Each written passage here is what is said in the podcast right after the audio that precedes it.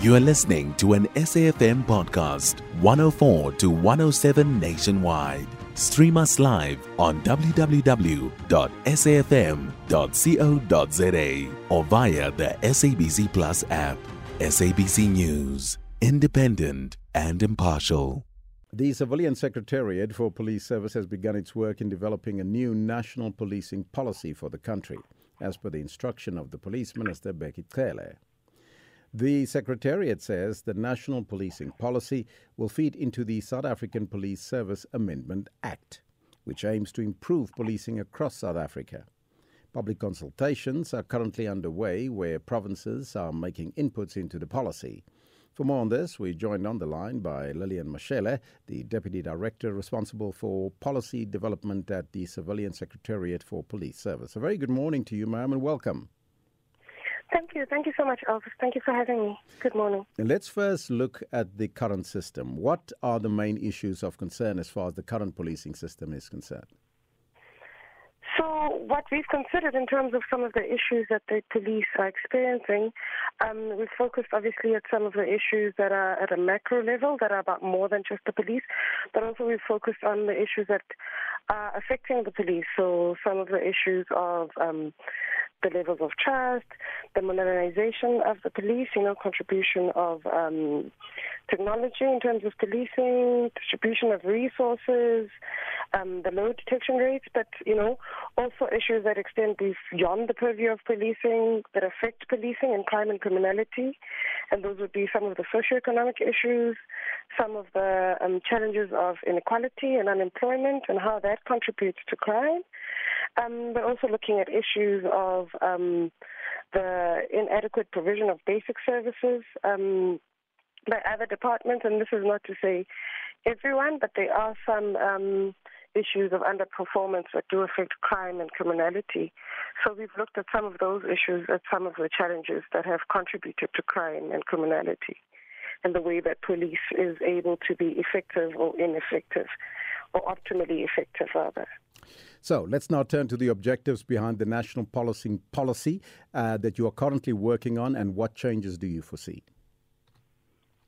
So really, because the national policing policy really wants to determine, shall we say, the posture for what policing should look like, and how we kind of um, will then create a document that provides the basis for other policies to be, to be developed within the space of policing and also provide key principles, you know, in terms of how to strengthen leadership governance, um, but also civilian oversight, which is what we do as a civilian secretariat for police service. And of course, then provide the basis for um, developing other uh, provincial policies, because this policy has to be informed by the different provincial policing needs and priorities, with the appreciation that, of course, the different provinces experience uh, or are very nuanced in, in, in their own nature. So it, it, those are the key objectives, really providing the basis to provide those principles, um, to strengthen leadership, but also improve the effectiveness and the efficiencies in the service delivery in, from a policing context. So how will the national policing policy affect then the Police Service Amendment Act and, and police officials really on the ground? Well, um, in, in, in, the natural order of things, policy um, informs, uh, shall we say, legislation. So it's, it's actually quite opportune that we still have an opportunity to have this policy informing the Amendment Act. So some of the uh, policy proposals, and I can't really speak to areas of policy proposals in this policy because, as you have mentioned, we're busy consulting on it. So nothing in the policy right now is cast in stone. But some of the key policy proposals and policy articulations from this policy will then be considered in, in, in terms of when um, making input into the Amendment Act. So, so, but of course, I must also mention that there's quite a lot of policy. So this policy, um, the basis of this policy, um, is informed by a lot of research and other policies mm. that are currently in place. So, and a lot of those have um, informed um, or have been used rather to also make input into the Police Amendment Act. Talking about consultation, we understand that you've been to several provinces in this respect. How is the consultation process going? So, um, I mean, it's been going well. We would like to have more people, but um, budget constraints have really limited us in terms of numbers. But what we've done is really um, afforded people to, uh, through numerous p- platforms to participate in, in these engagements. So we've had the physical consultations. We've been to four provinces thus far. Thus far. Actually, we're currently in the Western Cape.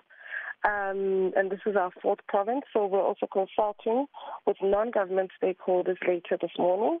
Um, and then we'll then offer other provinces, so the remaining five provinces will be hosting virtual presentations. So we're really hoping, because it's very different when you, you engage with people physically um, and virtually, but we're hoping to really capitalize and make the best of those presentations. But we've also afforded people an opportunity, so I think in about a week, two at most, um, the document the draft document will be gazetted offering people an opportunity to do written submissions. We've also um, made plans to kind of shorten the document and try and make it um, something friendly for communities to be able to engage with and understand and make inputs utilizing at other platforms that our colleagues will be engaging in. So engagements such as in Bezos, where there are opportunities for us, we would definitely capitalize on those and get people to make inputs um, from that uh, in that regard. But consultations, in terms of the kind of inputs we've been receiving, we're really impressed with what we've been getting. A lot of the time, with, when you engage on policy, you get a lot of issues that are operational and not necessarily um, policy issues, and then you have to interpret them and try and kind of um, shall we say, convert them to uh, policy uh, issues that can be addressed in the policy. But mm-hmm. right now, at the levels that we're engaging, people are really starting to understand and engage with policy issues and make um, inputs as such. So we've been very pleased with what we've received so far. We've been to um, Gauteng, we've been to KZN, we were in Mpumalanga last week, and like I said, we are currently in the Western Cape. And what sort of input uh, are you looking for from these communities? So, in essence, really, we're looking for input on how do we ensure that collectively we can enhance policing. So, remember, um, the principle at this point for policing is really also based on the um, approach of democratic policing principles, uh, a principle and people-centered policing. And one of the key issues and one of the key pillars, rather, if I may, is also building trust um, in the police from communities. So what we also want to see is some of those um, policy input on how we can harness on community um, and police relations to ensure that we enhance policing, but also other issues um, that speak to issues of quality policing. How do we build a quality police um, member and a quality police service? How do we improve effective and efficient service delivery? How do we build on trust between the police service? And how, would you, how do we strengthen ethical um, governance and management and leadership um, issues? You know, so those are the kind of inputs that we're looking at. But um, like I said, because we have a draft, we can also look at techno- technical issues in terms of the draft, um, ensuring that we all have the same understanding. When I speak about democratic um, approach to policing, so some of the inputs that we've received that speak to, it, uh, to the draft would be ensuring that there's an understanding of um, what we mean by democratic policing. What do you mean by people-centered? Um, you know, so those kinds of issues issues um, are coming up. But like I've mentioned, those four that I mentioned are the four pillars um, that speak to how we want to see, which is the impact statement really, where people are and feel safe mm-hmm. as per the National Development Plan. There have been calls from certain provinces like the Western Cape for the devolution of the policing powers. Where do you stand on this debate, and could it provide greater scope for combating crime? I mean, um, the provinces are making a case for it, but ours is not to um, stand in the debate. Ours at this point um, is to receive the inputs um, for policy, take it forward, consider it and must be well considered. We don't want to come back and have another conversation because we didn't consider certain issues. Um, so, in all honesty, right now ours is to receive the inputs, um, to be objective in how we receive the inputs. Um, they are making a case for it, um, but I'm also there's there's probably those who can make a case against it.